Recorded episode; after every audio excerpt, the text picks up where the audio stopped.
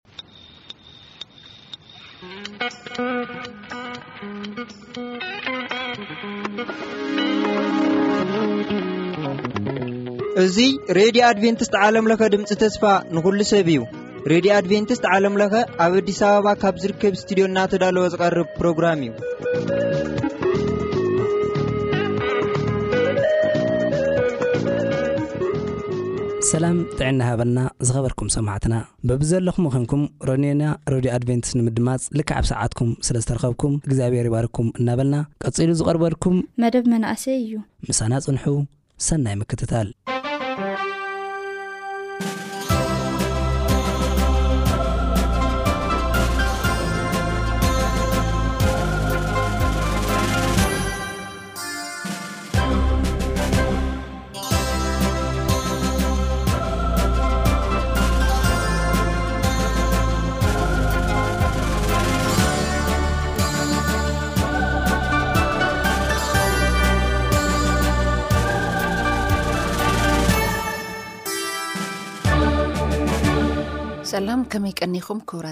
ተኸታተልቲ መደባትና እዚ መደብ እዚ መደብ መንእሰያት እዩ ቅድሚ ናብቲ መደብ ምእታውና እዚ መደብ ዝሒዘልኩም ዝቐረብኩ ኣነ ሳሌም ነጋሲ እየ በኣርከስ ቅድሚ ናብቲ መደብ ምእታውና ሓቢርና ከነጽሊ ኢና ንጸሊ ሰማያዊ ዝኾንካ ልዑል ኣምላኽ ስለቲ ምሕረትካን ስለቲ ሓለዋኻን ኣዚና ነመስግነካ በኣርከስ ንስኻ ኣምላኽ ክትነሱ ንኣና ንምምሃር ኩል ግዜ ብትሕትና መልክዕ ስለ ትርደና ስለ ትሓልየልና ስለ ትንከባኸባና ከኣ ነመስግነካ ብኣርከስት ዘይቋረጽ ናይ ሂወት ማይ ናይ ዕለት እንጌራ በብግዜኡ ስለ ትህበና ነመስግነካ ነዚ ንዝሰኣነ ወገናት ኣህዛብ ከኣ ከከም ኣድላይነቱ ክነብጸሐሉ ንኽእል መንገዲ ከኣ ንክትገልጸልና ንምሕጸነካ ብኣርከስ ነዚ ንዝሰምዖ ወገናት ኩሉ ንበረከትካ ተቋደስቲ ክትገብረሎም ሂወት ምስ ትርፉ ክኾነሎም ንምሕጸነካ ሓሳቦምን ጥያቄኦምን ኩሉ ንስኻ ኢኻ ዝበለጽካ መምህር እሞ ኣብቲ ዝደልይዎ ሰዓት መልሲ ክትኾነሎም ንምሕጸነካ ኣይትፍልየና ስለ ሽም የሱስ ኣሜን። እምበኣርከስ ኣብ ዝሓለፈ ብዛዕባ ዘፍጥረት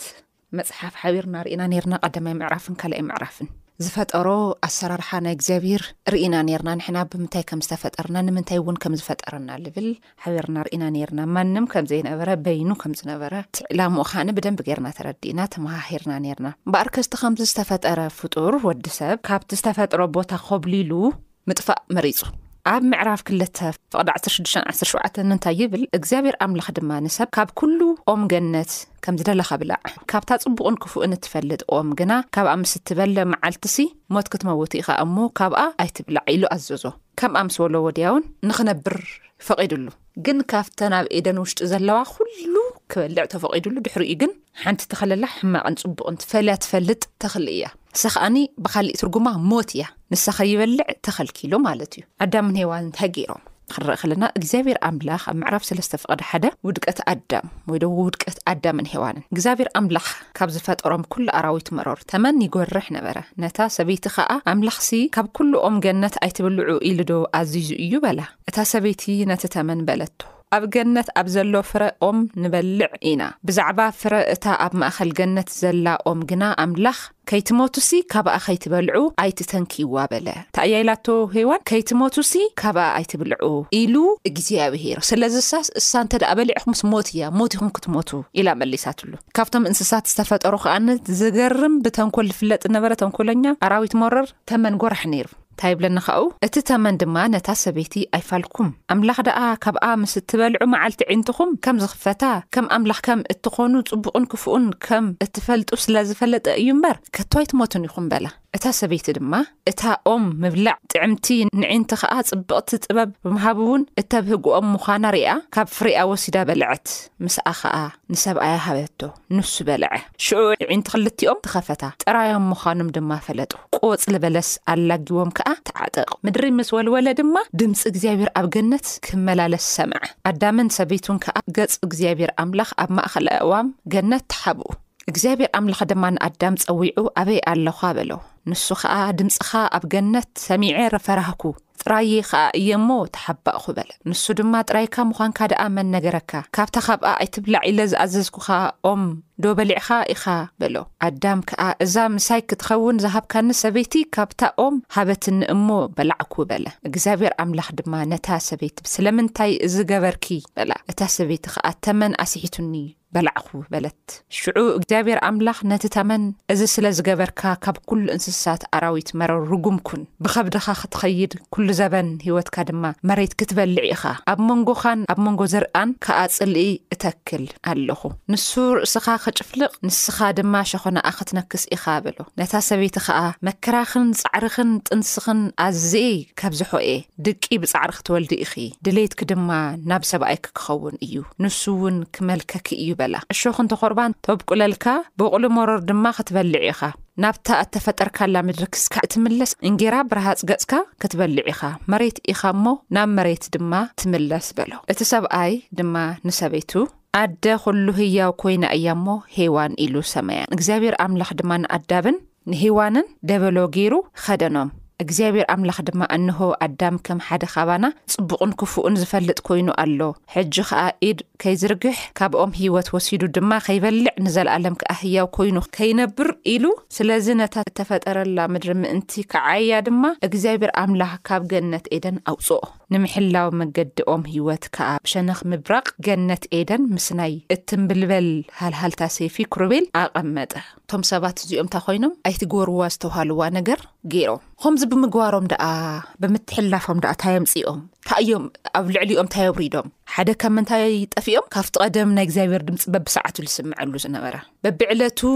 ናተሃለዋት ዘይፍለዮም ዝነበረ ሓደ ንሱ ካልኣይ ከኣ ከይጸዓርካ እሱ ኣዘጋጅዩ ዘምጽኦ ምድሪ ዝነበረት ምድሪ ንሱ ገዲፎም ዕሾኽን ኣሜክላን ተብቅል ምድሪ መሪጾም። ጽቡቅ ድሕሪኡ ከታይ ኣውሪዶም መርገም ውርደት ርክሰት ኣውሪዶም ናይቲ ርክሰትን ውርደት እንታይ እዮም ተቀናጅም ልብል ኣብ ምዕራፍ ኣርባዕተ ከይድና ክንሪኦ ኢና ኣዳም ድማ ንሰበይቱ ሄዋን ፈለጣ እሞ ጠነሰት ንቃኤል ከኣ ወለደት ብረድኤት እግዚኣብሔር ሰብ ተቀበልኩ ድማ በለት ደጊማ ንሓው ኣቤል ወለደት። ኣቤል ድማ ጓሳ ኣባጊዕ ቃኤል ዓያዪ ምድሪ ዀነ። ድሕሪ ገለ ወርሓት ድማ ዀነ፣ ቃኤል ካብ ፍረ ምድሪ ንእግዚኣብሄር መስዋእቲ ኣምጽአ፣ ኣቤል ከኣ ካብ በዅራት ኣባጊዕ፣ ካብ ሰብሑን ኣምጽአ። እግዚኣብሄር ድማ ናብ ኣቤል ናብ መስዋእቱ ባህ ኢልዎ ረኣየ፣ ናብ ቃኤል ናብ መስዋእቱ ግና ባህ ኢልዎ ኣይረኣየን። ቃኤል ከኣ ኣዝዩ ዀረየ፣ ገጹ ድማ ጸለመ። እግዚኣብሔር ከኣ ንቃኤል ስለምንታይ ኮሬኻ ስለምንታይ ከገጽካ ጸለመ ጽቡቕ እንተ ትገብርሲ ገጽካዶ ተኻይ ምበለን ጽቡቕ እንተ ዘይገበርካ ድማ ሓጢኣት ኣብ ኣፍ ደገ ትቃጸወካ ኣላ ሃርሃርታ እውን ናባኻ እዩ ግናኻ ንስኻ ክትገዝእ ይግባኣካ እዩ ቃኤል ድማ ንሓዋ ኣቤል ተዛረቦ ኾነ ኸኣ ኣብ መሮር ከለዉ ቃኤል ንሓው ኣቤል ተንሥኦ ቀተሎ ድማ። እግዚኣብሔር ከኣ ንቃኤል ኣቤል ሓውካ ኣበይ ኣሎ በሎ። ንሱ ድማ ኣይፈልጥን ኣነዶ ሓላዊ ሓወይ እየ በለ። ንሱ ከኣ እንታይ ጌርካ ኢኻ ድምጺ ደም ሓውካ ካብ ምድሪ ናባይ ይጠርዕ ኣሎ። ሕጂ ድማ ንስኻ ካብዛ ንደም ሓውካ ካብ ኢድካ ክትቕበል ኣፋ ዝኸፈተት ምድሪ ርጉም ኹን። ንምድሪ ምስ እትሓርስ መሊሳ ሓይላ ኣይክትህበካን እያ። ኣብ ምድሪ ኮብላልን ኣባሕባሓይን ኹን፣ ቃኤል ከኣ ንእግዚኣብሄር በሎ፣ በደለይ ክጸሮ ዘይከኣለኒ ዓብዪ እዩ፣ እንሆ ሎሚ ካብ ገጽ ምድሪ ትሰጐኒ ኣሎኻ፣ እንሆ ኣነ ድማ ኻብ ገጽካ ክሕባእ እየ፣ ኣብ ምድሪ ኰብላልን ቀባሕባሓይን ክኸውን እየ፣ ዝረኸበኒ ዘበለ ዅሉ ክቐትለኒ እዩ። እግዚኣብሄር ድማ፣ እምበኣር ንቃኤል ዝቐተለ ዅሉ ሾብዓተ ኻዕበት ሕነ ኽፈድዮ እየ፣ በለ። ዝረኸቦ ዅሉ ምእንቲ ከይቀትሎ ኸኣ እግዚኣብሄር ንቃኤል ምልክት ገበረሉ፣ ቃኤል ድማ ካብ ቅድሚ እግዚኣብሔር ወጽ ኣብ ምድሪ ኖድ ከኣ ኣብ ምብራቕ ኤደን ተቐመጠ። ኣዳምን ሄዋንን ካብ ገነት ብምውጽኦም ዘምጽዎ ጸገም እቶም መጀመርያ ዝወለድዎም ወ ደቆም ተቐታቲሎም። ተዓውዩ ሓው ብእግዚኣብሔር ተኸተወልደ ኸላ ብረድኤት እግዚኣብሔር ሰብ ተቐበል ክልወለድ ተወዳ ትንእሽተይ ወዳቐት ኣሉ ኮይኑ ሓጢኣት እንታይ ይወልድ ሞት ይወልድ ኣይትግበርዎ ዝተባሃለ ነገር ዋላ በዓልካ ተለይ በጽሐ ኣብቲ ናትካ ትብሎ ርስቲ ኣብቲ ናትካ ትብሎ ደቂ ደቂ ደቂ ኩሉ በጽሕ ሽዑ እንታይ ኮይኑ ሓው ቐቲሉ ተገሪሞም ዝወለድዎ ቆልዓ ዘይእዘዝ ኮይኑ ካልኣይ ለቐታሊ ሓው ኮይኑ ሳልሳይ ከኣኒ ልሰርሖ ዘበለ ኩሉ በረከት ለይህብ ለየትርፍ ሰብ ኮይኑ መስዋእቲ ንእግዚኣብሔር ብስነስርዓት ዘይቕርብ ሰብ ኮይኑ ነቲ ናይ መጀመርያ እኮ እዩ ሓጢኣትን ሞት እንደይፈልጥ ሰብ ግን ናይ መጀመርያ ቐታሊ ኣብ መፅሓፍ ቅዱስ ኣብ መፅሓፍ ጥራሕ ይኾነ ኣብ መል ናይ መጀመርያ መዋቲ ሞት ናይ መጀመርያ ጣዓሚ ኣቤል እዩ ኣቤል ከኣ ንመን ይቐትልዎ ሓው ሞ ሓጢኣት እንታይ የምፅእ ሓው ኣብ ልዕሊ ሓው ሰብ ኣብ ልዕሊ እግዚኣብሔር ከምዚ ዓይነት ውርደት የምፅእ እዚ ተቐናጅም ኣዳምን ሂዋንን ተገሪማ እዚ ኢለ ዝፃዓር ኩሉ ወደይስ ቀታሊ ወደይ ክኸውን ደሞ ውርድ ኢልና ክነንብኦ ኢና ቀባሕባሕ ባህላይ ኮይኑ ኸርታታ ኮይኑ ስቑኢሉ ለይተሓዝ ኮይኑ ቃኢል ዝወለዶ ለኸድና ክነንብኦ ኢና እንታይ ዓይነት ሰባት ከም ዝኾኑ ውርድ ኢልና ከድና ክንርኢ ከለና ውዚ እግዚኣብሔር ግን ከምዚ ኢሉ ዋላ ዳኣ ሓዊ ይቕተል እምበይ ከምዚ ኢሉ ሓሊፉ ክርኦ ይደለይ እንታይ ግን ገይሩ ንቃኤል ዘሳድድ ምክንያቱ ቐታሊ ሓውካ ኮንካ ከመይ ኢለ ከመይ ኢልካ ምድሪ ትነብር እሞ ንፈልጣ ኢና ሓቂ ዶ ኣጥፍኦም ይብሕቦ እምበር ኣብ ከተማ ይነብሩ ግን ንሱ ክፉእ ከም ዝገበረ ተረድእዎ እቲ ዝገርክዎ ኩሉ ዘበለሲ ትዕቢት ይኮ ተዓብዩ ጽቡቕ ለይገብር ከምቲ ሓው ልገበሮ መስዋእትስ ክቕርብ ይኽእል ነይሩ መጀመርያ ኣዳም ንሄዋን ክእዘዙ ብኦም ነይሩ ናይ ዘይምእዛዞም ውጽኢት ከኣ ኣብ ልዕሊ ደቆም ዝውርደት ወጽዩ ሄዋን ተቸጊራ ዝኽንደይ መዓልቲ ልተሸከመቶ ቆልዓ ማህጸና ቀታሊ ወዳ ኮይኑ ጽንሕ ኢሉ ክንሪኦ ከለና ከኣ ኣብ ቅድሚ እግዚኣብሔር እውን ቅኑዕ መስዋእቲ ዘየቕርብ ሰብ ኮይኑ ዘይእዘዝ ሰብ ኮይኑ ማለት እዩ ስለዚ እንታይ ይብለና እግዚኣብሔር ግን ንቃኤል ከምዚ ንኣዳምን ሄዋንን ዋላ ድኣ የጥፍኡ ኢሉ ሕፍረቶም ብምንታይ እዩ ሸፊኑ ሰዲድዎም? ባዕሉ እግዚኣብሔር ኣብዚ መጽሓፍ ከም ልነግረና በጊዕ ኣሕርዩ። በጊዕ ምሕራድ ከኣ ንምንታይ ምዃኑ ኣብ ዝቕጽል ክፋል ክንርእዮ ኢና። ካብ መጀመርዩ ዋላ ድኣ ቃብሕባሕ የበሉ ዋላ ድኣ ይሕጠዩ እምበር እግዚኣብሔር እንታይ እዩ? ናይ ምርጫን ናይ ፍቕርን ናይ ትሕትናን ኣምላኽ እዩ። ስለዚ እንታይ ይብል? ንቃኤል እውን ልክዕ ከምኡ ሓዉ ምስ ቀተለ ሓላዊ ሓወይ ድየ ክብሎ ከሎ ዋእ እንታይ ገይራ ድኣ ናይ ሓውካ ደም ትጠርዕ ኣላ? ኢልዎ። ሽዑ እቲ ዝገበሮ ዘበለ እግዚኣብሔር ከም ዝረኣየ ሰብ ዘየለ እዩ መሲልዎ ግን እግዚኣብሔር ከም ዝረኣየ ተረዲኡ። ኢልዎ ስለ ዝበደለይ ክሽከሞ ስለ ለይክእልሲ ዝረኸበኒ ሰብ ከጥፈአኒ ኢልዎ ግን እግዚኣብሔር ታይ የደለየ ቃኤሎ ዝኾዶ ሰብ ከይለዓሎ ከየጥፍኦ ምልክት ከም ዝገበረ ይነግረና ማለት እዩ ዝሓጢኣት ዘይ ኣየቋረፀይ እዚ ናይ ሞት ምርጫ እዛ በለስ ምብልዖም እዛ ኣይትውልዕዋ ዝተብሃሉ በለስ ምብልዖም ለምፅኦ ፀገም ይቕፅል እዩ ቃኤል ናይ ሓውቀት ኣሉ ኮይኑ ቃኤል ከዓ ንዘፍረዩ ፍርያት ካብ ደቁ ዘፍረዩ ፍርያት ከዓ ንክንርኢ ኢና ቃኤል ከዓ ንሰበይቱ ፈለጣ እሞ ጠነሰት ንሄኖክ ድማ ወለደት ንሱ ከዓ ከተማ ሰርሐያ ስም እታ ከተማ ድማ ብስም ወዱ ሄኖክ ኣውጸኣላ። ንሄኖክ ከኣ ኤራድ ተወለደሉ፣ ኤራድ ንማህያኤል ወለደ፣ ማህያኤል ከኣ ንማትሷኤል ወለደ፣ ማትሷኤል ድማ ንላሜክ ወለደ። ሓዞ እዚኣ ሕጂ መን ላሜክ ናይ መጨረሻ ትብል። ኣብዚ ገዛ እዚ ሓደ ዓማጽ ለለ ተወሊዱ። ቃኤል ንመን ወሊዱ? ንሄኖክ ወሊዱ። ሄኖክ ከኣ ንኤራድ ወሊዱ፣ ኤራድ ከኣ ንማሄኤል ወሊዱ፣ ማሄኤል ከኣ ማትሳኤል ወሊዱ፣ ማትሳኤል ከኣ ንላሜክ ወሊዱ፣ ላሜክ ከኣ ንመጀመርያ ግዜ ኣብ መጽሓፍ ቅዱስ ቀታሊ ሰብ መን ኢለኩም? ቃኤል እዩ። ናይ መጀመርያ ሞት ጠዓሚ ኣቤል እዩ። እቲ ቀታሊ ናይ መጀመርያ ቃኤል። ንመጀመርያ ግዜ ኣብ ዓለምና ኣብ መጽሓፍ ቅዱስ ታሪክ ጥራሕ ኣይኮነይ ኣብ ዓለምና ንመጀመርያ ግዜ ፍጥረት ካብ ዝፍጠር ጀሚሩ ክልተ ኣንስቲ ዘእተወ ወዲ ቀኤል ረይዎ እቲ ናይ ሓጢኣት ዕፅፊ እንዳወሰኺ ይኸይድ እዩ ደሎ ንመጀመርያ ግዜ ክልተ ኣንስቲ እትዩ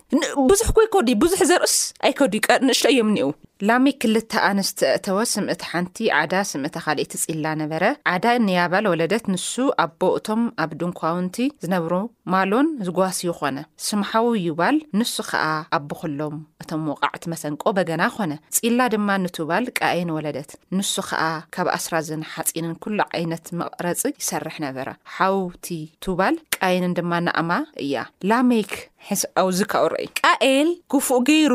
ፈሪሑ ሸፍነኒ ኢልዎ። እግዚኣብሔር ከኣ ንቃኤል ዝረከቦ ዘበለ ከየጥፍኦ ኢሉ ምልክት ኣንቢሩ። ኣውዚ ግን እንታይ ገይሩ መሲሉኩም? ላሜክ ራብዓይ ትውልዲ እዩ ድኸውን ደሎ ካብ ናይ ቃኤል ማለት እዩ። ላሜክ ድማ ነንስቱን በለን፣ ዓዳንን ጺላን፣ ቃለይ ስምዓ፣ ኣቲ ነንስቲ፣ ላሜክ ናብ ዘረባይ ጽን በላ፣ ስለ ቁስለይ ሰብኣይ፣ ስለ ስምብራተይ ድማ ጎበዝ ቀተልኩ ኢልዎ። ረእይዎ። ሰብ ቀቲሉ ይሕባእ እዩ፣ ሓቀይ? ቃኤል ቀቲሉ ሓዉ ቀታሊ ሓዉ ኮይኑ እንታይ እዩ ኮይኑ? ፈሪሑ ሸፍነኒ ኢልዎ። እዚ ግን ብጋህዲ ከይዱ ኣነ ዝገበሮ ዘበለ ኩሉ ከቕርብ ጀሚሩ። ከም ዝርእናይ ንፈልጥ ስለ ስምብራተይ ድማ ጎበዝ ቀተልኩ ስለ ቁስለይ ሰብኣይ ተገዳዲርኒ ማለት ተፈታቲኒ ንቐትሉ ይ መፀ ነንስቱ ፀዊዑ ኣኼባ ዝቐትልካ ዝፀዊዕካ ትእክ ርእዎ ተሓጢኣት ዝመረፅናዮ ቲ ኣዳሚ ሄዋን ዝመረፅዎ ና ካብዚ ኣይትውልዑ ዝተባሃልዎ መንገዲ ምውፅኦም ዘጋጠሞም ክይሰራ ሞት እዮም ወሊዶም ባዕሎም ንባዕሎም ምጭፍጫፍ ወሊዶም እርግጠኛ ዩ ካሊእ ሰብ ኣይነበረ የ መንጎኦ መውዚ ናይ መናይ መን ዮም ተቐታትሎም ደለዉ ኣብዛ ምድሪ ካሊእ ሰብ ነይሮ ይብሊ ናይ ሰይት ትውልዲ ናይ ካሊእ ትውልዲ በቃ ናይ ባዕሎም ትውልዲ እዮም ተቐታቲሎም እኒኤው ቃኤል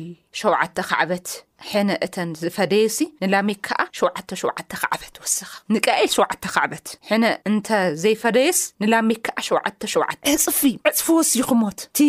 ኣብ ልዕሊ ወዲ ሰብ ሰብ ንሰብ ዝገብሮ ዝነበረስ ወሲኹ ትድጅቱ ሽዑ እንታይ ኢሉ ኣዳም መሊሱ ንሰበይቲ ፈለጣ ንሳ ከዓ ወለደት ኣምላኽ ከዓ ኣብ ክንዲ እቲ ቃኤል ዝቐተሎ ኣቤል ካልእ ፍረ ከርሲ ተኪኡ እዩ እሞ ኢላ ስሙ ሴት ኣውጸእትሉ፣ ንሴት ድማ ወዲ ተወለደሉ፣ ስሙ ኸኣ ሄኖስ ኣውጽእሉ፣ ሽዑ ሰብ ብስም እግዚኣብሔር ኪምህለሉ ጀመሩ። ለገርም ልኹነ ተርእዩ ለይፈልጥ ውርደት ክከናነቡ ጀሚሮም፣ ሞት ስቕ ኢሉ ዓስ ኢሉ ምንቅትታል በዚሑ፣ ሽዑ ኣንድዐይ ብዙሕ ሰብ ኣይነበረይ፣ ሽዑ ግን ከምዚ ክኾኑ ጀሚሮም፣ ሽዑ እንታይ ይብል ዘርኢ ካብዚ ሕጂ ሰዓት ክፈላለዩ ጀሚሮም፣ ናይ ሴት ትውልዲ ንወይኖም ናይ ቃኤል ትውልዲ ንወይኖም ቶም ናይ ሴት ትውልዲ ደቂ እግዚኣብሔር ተባሂሎም ዝፅውዕ ዘር ኮይኖም ማለት እዩ ስለዚ እንታይ ለርእና ኣብ ክንዲ ቃኤል ኣብ ክንዲ ኣቤል ዝሞተ ወደይስ እግዚኣብሔር ተኪኢሎ እዩ ሞ ተተካኢ ማለት እዩ ተኪኢሎ እዩ ሞ ሴት እዩ ለውፅእሉ ኢላ ሴት ኣውፅእትሉ ሽዑ እንደገና ተወሊዱሉ ሄኖስ ንሴት ድማ ወዲ ተወሊዱሉ ስሙ ከዓ ሄኖስ ኣውፅእሉ ሽዑ ሰብ ብስም እግዚኣብሔር ክመለል ጀመራ ሕሰዎ ብዙሕ ኣይከዱ ግን ብጣዕሚ ዘገርም ክፍኣት ክዓስል ጀሚሩ ሲጀመር ሞት ውርደት እምበር ጥበብ ኣይኾነይ ታዝመሮጽዋ ታዝወልዕዋ በለስ ጥበብ ኣይነበረይ ዓይኖም ኻሊእ መንገዲ ኣይተገለጸሎም እዪ ምግላጽ እዪ ጥበብ እዪ ዝብሎ ዝነበረ ኣታሊሉ ክወልዑ ልገበሮም እሳ ዝፈጠረታ እዪ ስለዚ ኣሕዋተይ ሽውሃትኩም መጠን ኣልባ ኣይኹን ድሌታትኩም ደረት ኣልባ ኣይኹን ኣይትግበር ተተባሂሉ ኣይትግበር እዪ በቃ ኣሕና ኩሉ ክንገብር ልጥዕመና ደሎ ንኽንዋረድ ስለ ንችኩል እዪ ርግጠኛ እዪ ኣዳም ታሪኩ ብሓጺር ተጻሒፉ እምበር ከመይ ዝኣክል ውርደት ኸምዝተ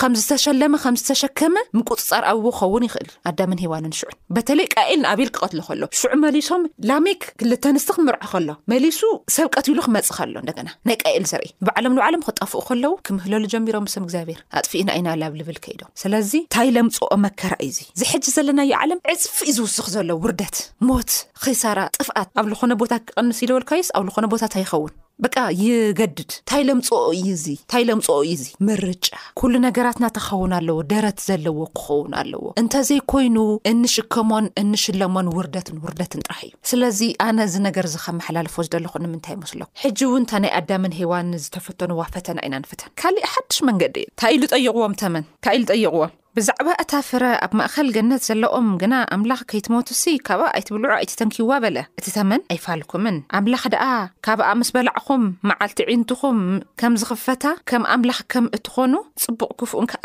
ከም እትፈልጡ ስለ ዝፈለጠ እምበር፣ ከቶ ኣይትሞቱን ኢልዎም፣ ከም ባዕልኹ ስለ ትዀኑ። ግን ምስ ዝበልዑ ዕዉታት ኣዮም ኰይኖም። ዋእ! ዝወለድዎ ወዶም ባዕሎም ንባዕሎም ክቀታተሉ ጀሚሮም። ልመጀመርያ ግዜ ክልተ ኣንስቲ ሰብ ክእቲ ጀሚሩ። ብድፍረት ከኣኒ ቃኤል እኳ ሓጥያት ገይረ ኢሉ ሓፊሩ። ሸፍነኒ ክብሎ ከሎ እቲ ዝወለዶ ወዱ ደቂ ደቁ ግን እንታይ ገይሩ ብድፍረት ከይዱ ካሊእ ሰበይ ነይሩ መቸም ሓው እዩ ቀቲሉ መጀመርያ ላይ ብሓውካ ክትጅምር ኢሉ ገብረካ ብባዕልካ ብናይ ባዕልካ ነገር ብናይ ባዕልካ ባዕሎም ንባዕሎም ክጣፍኡ ጀሚሩ ሽዑ እዚ ናይ ሰይቲ ትውልዲ ወይ ደሞ ናይ ሄኖክ ዘርኢ እዞም ደቂ እግዚኣብሔር ብእግዚኣብሔር ዝኣም ዓሊ ክፈላለዩ ጀሚሮም ደቂ ሰብን ደቂ እግዚኣብሔርን ዝበሃል ዓይነት ምክንያቱ ደቂ እግዚኣብሔር ማለት ብኣሰሩም ብናቱ መገድን ዝኸዱ ዝኽተሉ ማለት እኦም ከዓኒ ውርደት ዝከናነቡ ብናይ ሰብ መገዲ ዝኸዱ ሰብ ማለት ኽፍኣት ሞት ውርደት ዝመረፀ ሽዑ እንታይ እዮም ክገብሩ ዝግብኦም በቃ ሂወት እዮም ክመርጡ ዝግብኦም ግን ኣይቀነሰዩ ተረኦ ይፈልጥን ንመጀመርያ ግዜ ከምዚ ዓይነት እዮም ስለዚ ኣነ ንስኹም ይከኣ ንዛ ፈተና እዚኣ ኩል ግዜ ትቐፅል እያ ሕጂ እውን ዝተሰቐለ ክርስቶስ መስቀል ዲና ክንመርፅ ወይስ ኣይነ ክንበልዕ ክልተ ኢና ኣዳም ዝተፈተና ካሊእ ፈተና የለይ ካሊእ ትፍትኑ ኣለኹም ኮይኑ ተሰሚዕኩም የለይ ካሊእ ካሊእ ዝጥቀሞ መንገዲ የለይ ታል ኣዳም ተጠቐማ ንኣኻ እውን ኣይትግበር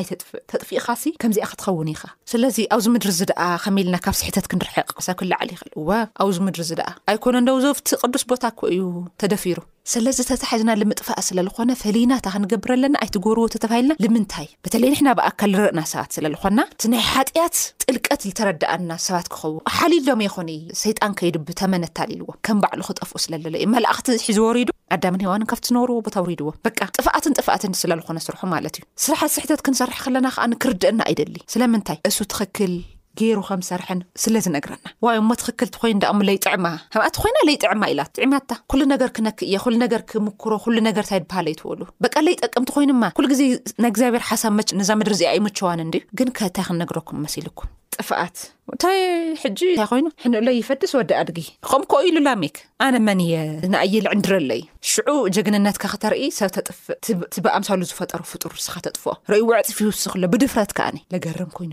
ለገርም ግን ልምህለል ሰብ ክስኣን ከሎ እዩ ግን በቲ ሽዑ ሰዓት ተማህሊሎም ይብል ከምዘ ንሕና ብዙሓት ዘለና ሰባት ብዙሓት ኣይነበሩ ውሕዳት እዮም ነሮም ግን ኣገሪምዎም እቶም ናይ እግዚኣብሔር መንፈስ ምስ እግዚኣብሔር ተስማዕሚዖም ዝነብሩ ደቂ ኣዳም ሄኖስ ዘርኢ ክፅሉ እዩ ጀም ስለዘ ንሕናታ ክንገብር ኣለና ትልመረፅናዮ መንገዲ ንክፈልጦ ክንርድአና ክኽእል ኣለዎ ክነስተንትኖ ክንኽእል ኣለና ስለዚ እዚ ንወዲዝን ናብ ጥፋኣት ከይንኸይድ ትኽክለኛ መንገዲ ክንሕዝ ከኣ እግዚኣብሔር ኣምላኽ ፀጉ የብዝሐልና ንዚ ክነስተውዕለሉ ንኽእል ልምንታይ እዩ እግዚኣብሄር እታ ቆፅሊ ኣይትብልዕዋ ኢሉ ሞት ስለ ተምፅእ እሳ ብዝበልዕኻ ቁፅሪ ሞት ኢኻ ትመውት ናይ ሞት ተቐናጃየ ኢኻ ትኸውን ቀታሊ ሓውካ ኢኻ ትኸውን ቀታሊ ትውልድኻ ኢኻ ትኸውን ስለዚ እዚ ንኸይትኾኑ ከዓኒ ንኸይንኸውን ከዓኒ ኣሕዋት ንምንታይ እዩ እግዚኣብሄር ኣይትጎርይሉ ኣይምተዋረዱን ነይሮም እግዚኣብሄር ከዓ ናይ ምርጫ ኣምላኽ እዩ ግን እግዚኣብሔር ከ ርሕሩሕ ኣምላኽ እዩ ኣብ ዝቕፅል ነጥ ንኸዶ ኢና ግን ካብዚ ክፋሊ ዝጀሚሩ እስካብ ዝሕጂ ዘለና ይዓለም ዕፅፊ ከም ዝወሰኸ እዩ ዝነግረና ሕጂ ኣንስቲ ከም ድላይካ ምእታው ለለ ስርዓት ኣልባ መውፃእ ምናምን ተለሚዱ ኖርማል ግን ኖርማል ኣይኮ እንታይ ዩ ዝገብረካ ሰይጣን እዚ ተናዲድካ ሓውካ ምፅራፍ ንታይ ሞ ዘካብ ነገር ኒዎ ፅረፎ ፅንሕንሒል ታይ ሓውካ ኣናዲድካ ምቕታል ንታይ ተራ ነገር ኮይ ንታይ ሞ ቀደም ዳገበርዎ ዝመፀእ እዩ ስለዚ ንጅግንነትካ ክትብል ግበሮ በቃ ጀግ ንጅግንነቱ ከርኢ ክብል ንሰዊት ኣኪቡ ነንስቱ ኣኪቡ ጠሪዑ ተዛሪቡ ካብኡ ለይከኣል ሞትን ውርደትን ተከናኒቦም ትዘርኢ ንሱ ዘገርም ውርደት ኣወራርዳ እዩ ተዋሪዱ ወዲ ሰብማ ዘገርም ውርደት እዩ ተዋሪዱ ስለዘን ሕነ ካብቲ ውርደት ንምውፃእ ግን ሓደን ሓደን ኣለና ትጥዑም ዝኾነ ክርስቶስ ንብልዓዮ ትጥዑም ዝኾነ ክርስቶስ ንከተሎ ሕጂ እውን እዛ ተክለላ እያ